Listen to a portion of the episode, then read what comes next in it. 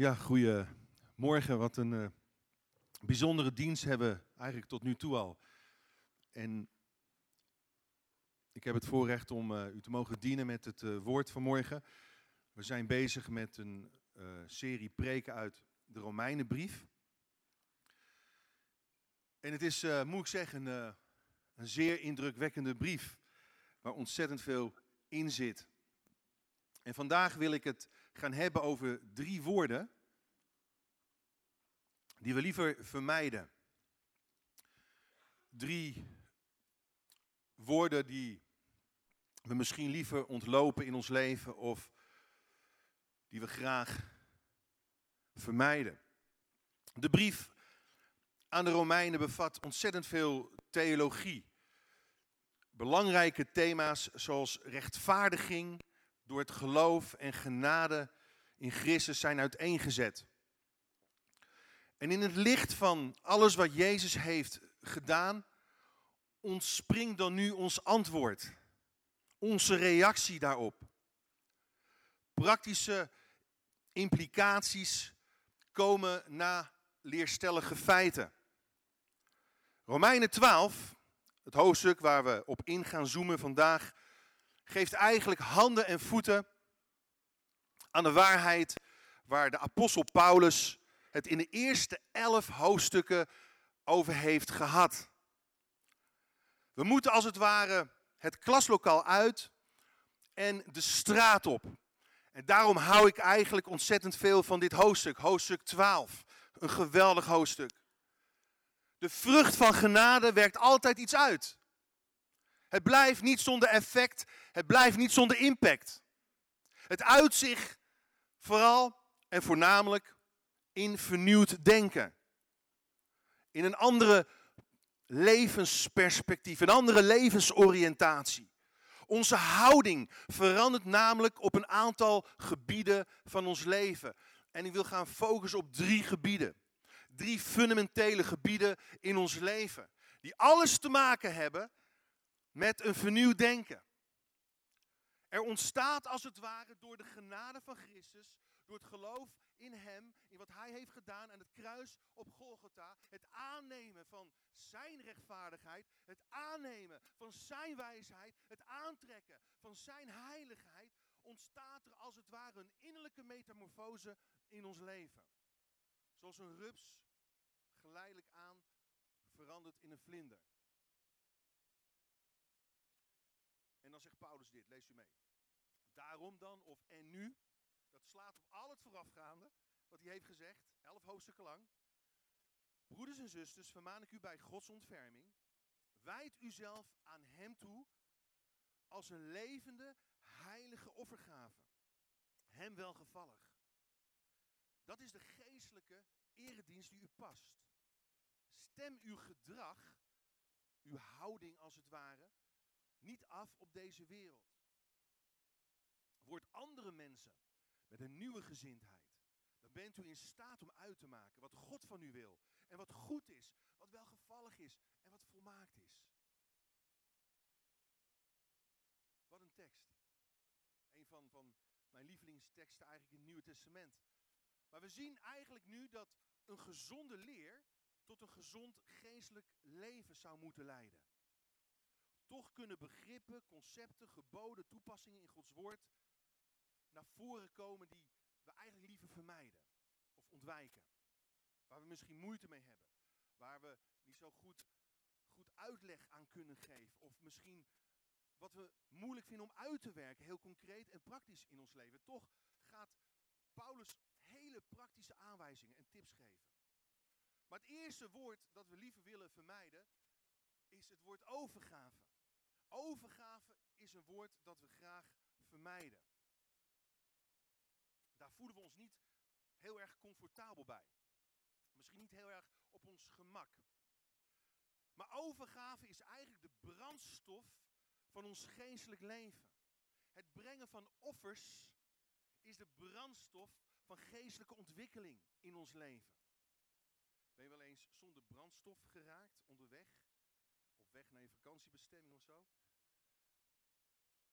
Net doen of uh, ja, de auto vanzelf al door blijven lopen. Maar weet je, zonder brandstof is er geen vooruitgang. En jezelf toewijden aan God als een levende, heilige offergave is de brandstof voor geestelijke vernieuwing en hervorming in je leven. Je geeft je over aan God op grond waarvan?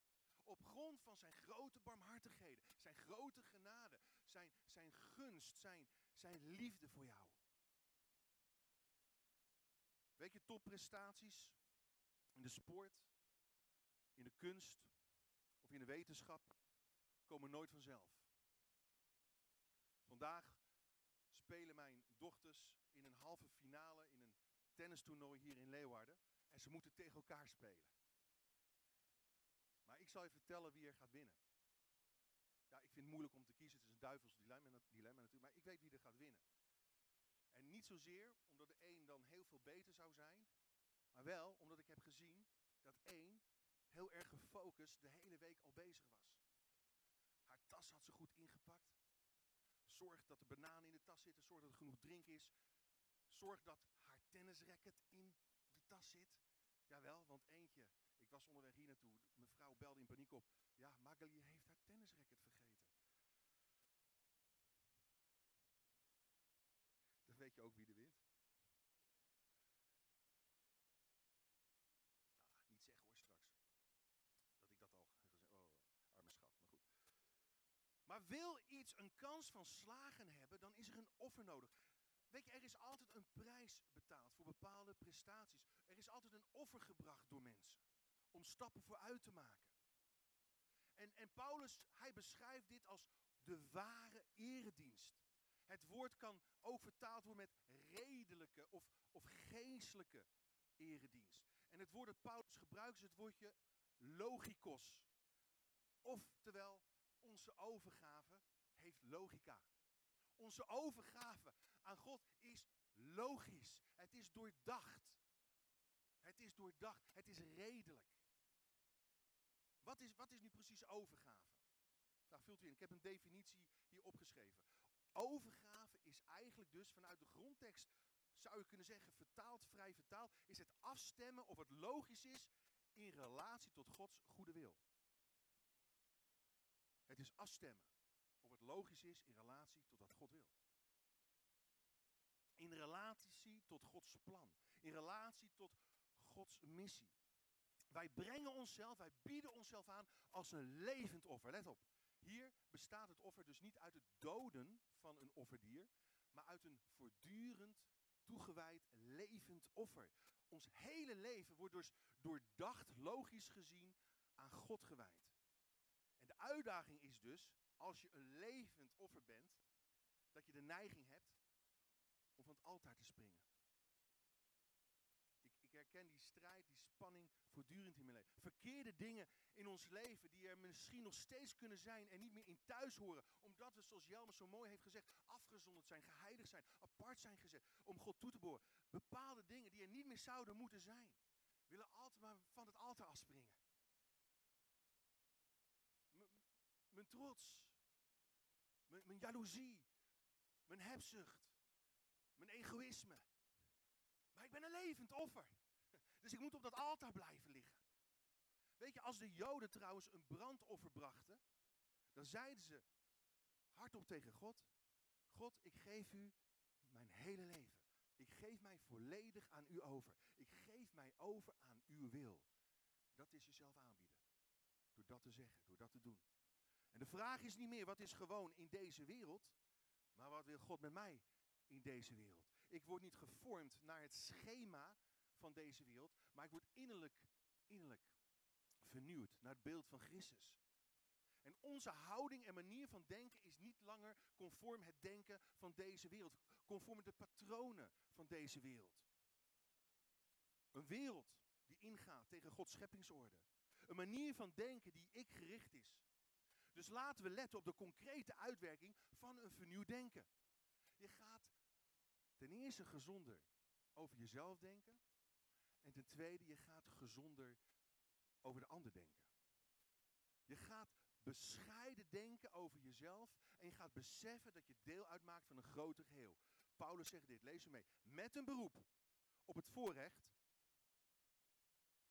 dat God me gegeven heeft, zeg ik tegen ieder van u, overschat uzelf niet. Maar laat in uw denken u leiden door bescheidenheid.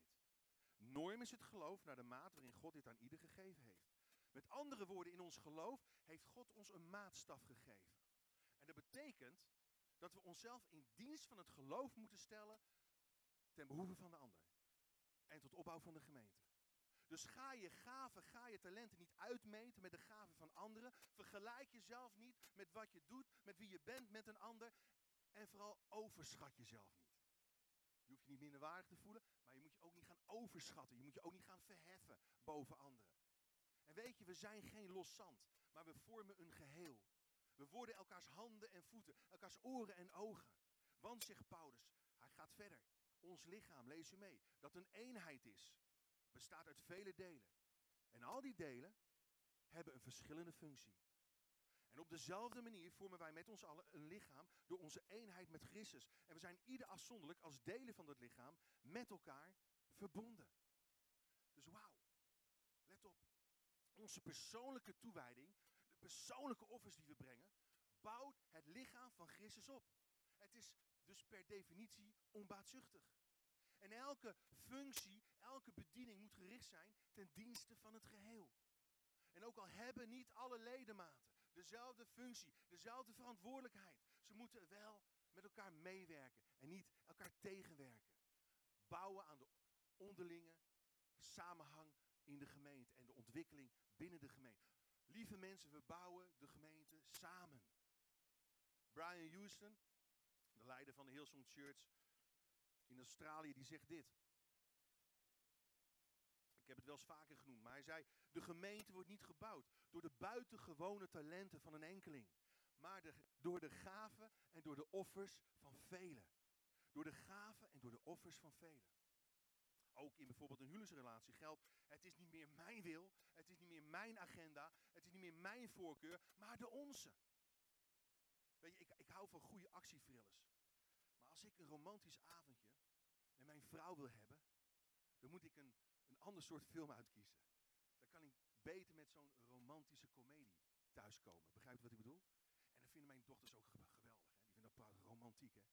En vooral die zoen die uiteindelijk op het laatste plaatsvindt. Dan pakken ze de kussens en oh, daar willen ze niet kijken. Oh, oh Ik vind het verschrikkelijk. Wat een offer. Dan zit ik daar naar zo'n romantische film te kijken. Maar ja, wil een relatie werken, ja, dan is er, is er van twee kanten een houding van offervaardigheid nodig. Kijk, als je niet de prijs wilt betalen voor wat je wilt bereiken, dan wordt dat wat je wilt bereiken de prijs die je misloopt. Ik herhaal. Als je niet de prijs wilt betalen voor wat je wilt bereiken, dan wordt dat wat je wilt bereiken de prijs die je misloopt. Dus als je een betere partner wil worden, een betere atleet, een betere student, een betere leraar, een betere leider, dan zal je offers moeten brengen. Daarom, als conclusie zegt Paulus, op alles wat God heeft gedaan, wat hij heeft laten zien door de geschiedenis van zijn reddingsplan heen, offer je lichaam als een heilig offer voor God. Dat is onze geestelijke daad van aanbidding. Weet je, aanbidding is niet iets wat eenmalig is, één keer op zondag, maar een dagelijks gegeven, een dagelijks gebeuren. Zodat alles wat ik doe en alles wat ik denk naar Hem wijst. Hem alleen de eer geeft. Tweede woordje wat we liever vermijden is dit, dienst. Dienst is een woord dat we graag vermijden. Oké. Als dan een offer, lees u mee en vult u in, iets is wat je opgeeft. Een offer is iets opgeven. Dan is een dienst verlenen iets wat te maken heeft met toevoegen. Met bijdragen. Dus we geven iets op. Op grond van wat God allemaal gedaan heeft. Maar we dragen ook bij. We voegen ook toe. We hebben allemaal waarde om toe te voegen. Nu je zoveel genade hebt, zegt Paulus. Zoveel genade hebt ontvangen. Mag je iets voor God terugdoen. Kijk, je kunt een date-relatie hebben met het lichaam van Christus, maar je kunt ook een verbondsrelatie hebben. En het verschil is dienst. Dienstbaarheid vanuit de motivatie van dankbaarheid.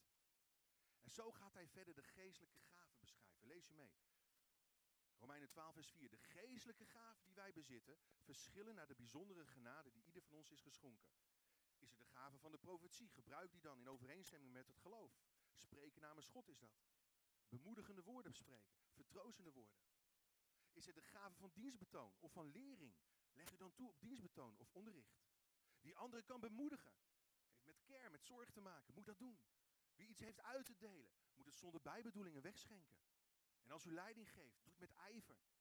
Als u barmhartigheid bewijst, doe het blijmoedig. Niet zwaarmoedig, maar blijmoedig. Wauw. God gebruikt zijn gemeente, zijn lichaam, om zijn plan op aarde uit te werken. We zijn Gods ontwerp. De kerk is Gods idee. Natuurlijk, God heeft een plan, daar hebben we ook over gehoord vorige week, met het volk Israël. Onze oudere broer, die we mogen zegenen. Maar de kerk, de gemeente in Christus bestaat uit Joden en Grieken. Heidenen dus, samen. De kerk is Gods plan. En we hebben allemaal een functie in zijn lichaam, concreet in de plaatselijke gemeente, om te vervullen. Een missie om te volbrengen. Weet je, de bedieningen in de gemeente zijn geen losse eilandjes van elkaar. Alles is met elkaar verbonden. Kinderwerk, welkomsteam, care-team, diensten. Alles, connectgroepen, jeugdavonden, zorg, events. Het is één groot geheel. Alles is nodig. Alles is belangrijk. Alles is goed. Tot opbouw van de gemeente. Zijn lichaam. Oh, daarom zegt Paulus, laat uw enthousiasme niet bekoelen. Romeinen hoofdstuk 12 vers 11. Laat je enthousiasme niet bekoelen. Maar wees vurig van geest. Laat u aanvuren door de geest. En dien de Heer. Wees verheugd door de hoop die u hebt. Wees standvastig wanneer u tegenspoed ondervindt. Want natuurlijk hebben we ook met tegenspoed te maken. Het is niet alleen woep, zo linea recta omhoog. Tuurlijk gaat het met ups en downs. En bid onophoudelijk. Bekommer u om de noden van de heilige en wees gasvrij. Lieve mensen, we werken niet langs elkaar heen, maar we werken met elkaar. Dus haak in, sluit aan om mee te groeien en op te bouwen. Elk lid vervult een unieke rol en is van vitaal belang. Dus laten we elkaar waarderen, zegt Paulus. Laten we elkaar eren. Door voor elkaar te bidden, door voor elkaar te zorgen. En, en weet je, als het moeilijk is, dat is het mooie van, van de gemeente. Dan is er altijd wel iemand die je kan oprichten, die je kan optillen. Die kan opbeuren. En daarom zegt hij, Romeinen 12 vers 16, wees eensgezind onder elkaar. Oh, hoe maak je mij helemaal blij, zegt hij ook aan de Filippenzen. Hoe maak je mij echt volkomen blij? Door eensgezind te zijn. Streef niet naar de hoge dingen, maar houd u bij de nederige. Wees niet wijs in eigen oog. Vergeld niemand kwaad met kwaad. Wees bedacht op wat goed is voor alle mensen. Leef zo mogelijk, voor zover het van u afhangt, in vrede met alle mensen. Word niet overwonnen door het kwade, maar overwin het kwade door het goede. Luister. Het effect van een vernieuwd denken is zo krachtig dat het de vicieuze cirkel van haat en vergelding kan doorbreken. Emotie zegt, ik zal het hem of haar vergelden. Maar geestelijke devotie zegt, ik laat me niet overwinnen door het kwade, maar overwin het kwade door het goede. En hoe doe je dat?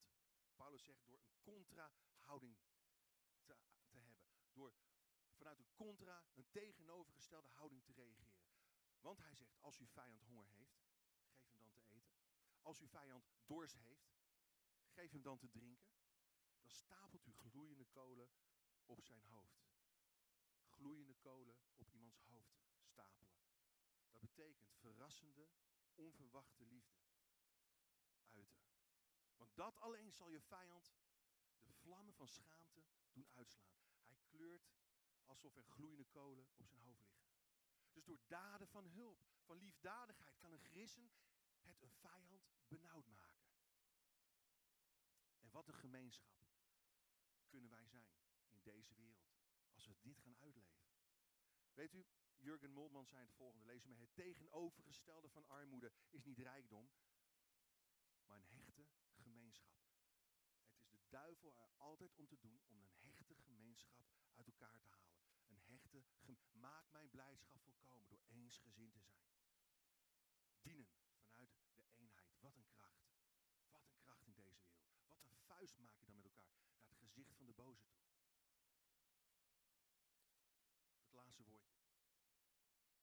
Dat we liever vermijden is onderwerping.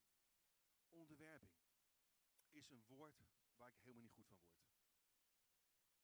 Onderwerping, dat, dat, dat, ja, vooral in Nederland, hè, wie houdt van het woordje onderwerping? Vreselijk, je onderwerpen aan elkaar. Nee, ja, dat is belachelijk, dat is belachelijk. Zoals jullie misschien wel weten, hebben wij een, een Rhodesian Ridgeback een, uh, een, jaar geleden gekocht, anderhalf jaar geleden ongeveer. Wie weet wat de Rhodesian Ridgeback is? Dat is, dat is een hond, ja. wie, weet waar hij voor gefokt is? Om leeuwen op te jagen in Afrika, of groot wild. Prachtig beest. Prachtig beest. En uh, ja, goed, waar, waarom, waarom koop je nou zo'n hond? Uh, nou, ik moest zo'n hond kopen van mijn zoon. Uh, we hebben een bijzondere jongen, Anthony, speciale jongen. En toen we gingen verhuizen van, Leeuwarden naar Oldsjerk, toen zei hij, ik ga niet verhuizen. Dat ga ik niet doen. En op een gegeven moment ja, heeft hij wat, toch wat, hij heeft ook wel onderhandelingstactiekjes ontwikkeld op zijn manier. Ja, ik ga alleen papa en mama als ik een hond mag hebben. Ja, we hebben hondjes, dat weet maar het zijn van die schnauzers, ze zijn geen echte honden. Uh, ik, hij wil, e papa, ik wil een echte hond en een, liefst een vechthond. Dus we mochten kiezen uit een, uh, tussen een, uh, uit een, hoe zeg je tussen of uit? tussen een, doberman, ja, een echte vechthond, een rotweiler, een pitbull, wordt nog leuker, en een Cane Corso of een Rhodesian. Dus wij meteen aansturen naar Rhodesian, Rhodesian. Doe maar de Rhodesian. Goed. In ieder geval, het is een Rhodesian geworden. En uh, nou, toen, toen was het goed. Toen mochten we verhuizen. Um, maar goed, de meeste honden staan erom bekend dat ze zich na enige training graag onderwerpen aan hun baas. Maar dit geldt helaas niet voor onze Jack. Zo heet hij, Jack Black. Als ik hem iets vraag te doen, dan bedenkt hij zich eerst of hij dit wel wil doen en wat het hem oplevert. Als hij bijvoorbeeld achter een haas aan wil en ik hou een koekje voor zijn ogen, dan gaat hij eerst nadenken, wie heb ik liever? Het koekje of de haas? Meestal kies hij voor de haas. Dus krijg ik hem ook niet meer terug, dan uh, is hij weg en dan ben ik het haasje. In ieder geval, Rhodesian staat erom bekend van nature niet gehoorzaam te zijn. Ja, echt waar. Dus na veel trainingen heb ik er iets op gevonden. Ik heb een trainingsbandje gekocht met een afstandsbediening. Ja, ik weet niet of het uh, legaal is op dit moment, maar ik heb het nog gekocht toen het legaal was. En ik, ik kan kiezen uit verschillende standjes. Een pieptoon, een trilstand en een schokstand. Nou, ik heb, ja, ik heb één keer geprobeerd hoor, gewoon even te kijken of het werkt. En hij vloog een halve meter de lucht in. Maar goed. Om te demonstreren hoe het werkt, heb ik natuurlijk wel Jack nodig. Dus ik weet niet waar Jack is. Ja, hij, ik hoop niet dat hij iemand op gaat eten. Het valt mij, is heel lief hoor. Waar is Jack dan? Ja, laat hem los dan. Ja. Bent u er klaar voor? Ik heb hem onder controle, hè? Jack, ik ga even. Doet hij piepet? Nou, los. Ja. Ah, kom eens. Kijk. Kijk, nee, hier. Nee. Niet naar Piet. Nou, die ruikt lekker naar haas. Jack, kom eens hier. Oh, kijk eens. Heel atletisch hond. Zit, Jack, zit. Ah, wat een geweldige hond, hè. Oh, lig. Kijk, ik hoef niks meer te zeggen. Ja, fantastisch, jongen, hè. Ja, zit. En, en een poot, poot. Ja, ja, één poot is genoeg. Ja, oh, ja, ja, fantastisch. Hè? Brave hond, hè. Brave hond. Nou, is dat niet fantastisch? Geef Jack even een applaus. Ja, ja. Ja Kijken of hij naar Mark luistert. Oh, ja, ja, ja, ja.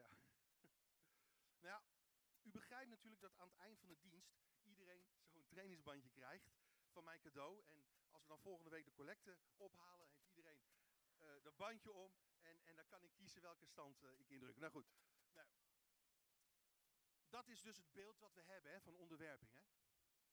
Je moet, je moet doen wat ik zeg. Je moet doen wat ik wil. En anders, hè, nou dat is waar wat. Dat is niet zoals de Bijbel bedoeld. Oké. De Bijbel zegt dit. Paulus, Romeinen 13, vers 1. Ieder mens moet zich onderwerpen aan de gezagsdragers die over hem gesteld zijn, want er is geen gezag dan van God. En de gezagsdragers die er zijn, zijn door God ingesteld, zodat hij, die zich verzet tegen het gezag, tegen de instelling van God ingaat. Daartegen ingaat, zullen over zichzelf een oordeel halen. woordje onderwerpen. Zich onderwerpen schrappen we het liefst uit ons christelijk woordenboek, of niet? Het woord heeft, heeft uh, eigenlijk niet met, met slaafsheid te maken, zoals ik nu met, met Jack omging. Het heeft met erkenning te maken. Het heeft met acceptatie te maken. En uiteindelijk gaat het om de naam boven alle naam, die Heer is, die Curios is, Jezus Christus. Luister goed, wat wil Paulus zeggen? Mijn reactie op grond van alles wat God heeft gedaan in Christus en in de geschiedenis met Israël, zijn grote barmhartigheden, is dat ik nu een persoon ben die ervoor kiest te offeren, die ervoor kiest te dienen, die ervoor kiest zich beschikbaar te stellen, ofwel zich te onderwerpen. Onderwerpen betekent namelijk ook zich beschikbaar stellen. En luister goed, je onderwerp je niet uit zwakte in de Bijbel, maar uit kracht. Het is, het is kracht. Er is moed voor nodig. Dat, dat, is, dat is geen zwakheid. En weet je, Jezus, hij kwam niet om een politieke omwenteling, maar voor een geestelijke omwenteling. En vandaar dat Paulus zich nu richt op onze houding ten opzichte van de overheid en gezag. In, de MBV-vertaling staat, iedereen moet het gezag van de overheid erkennen. Erkennen.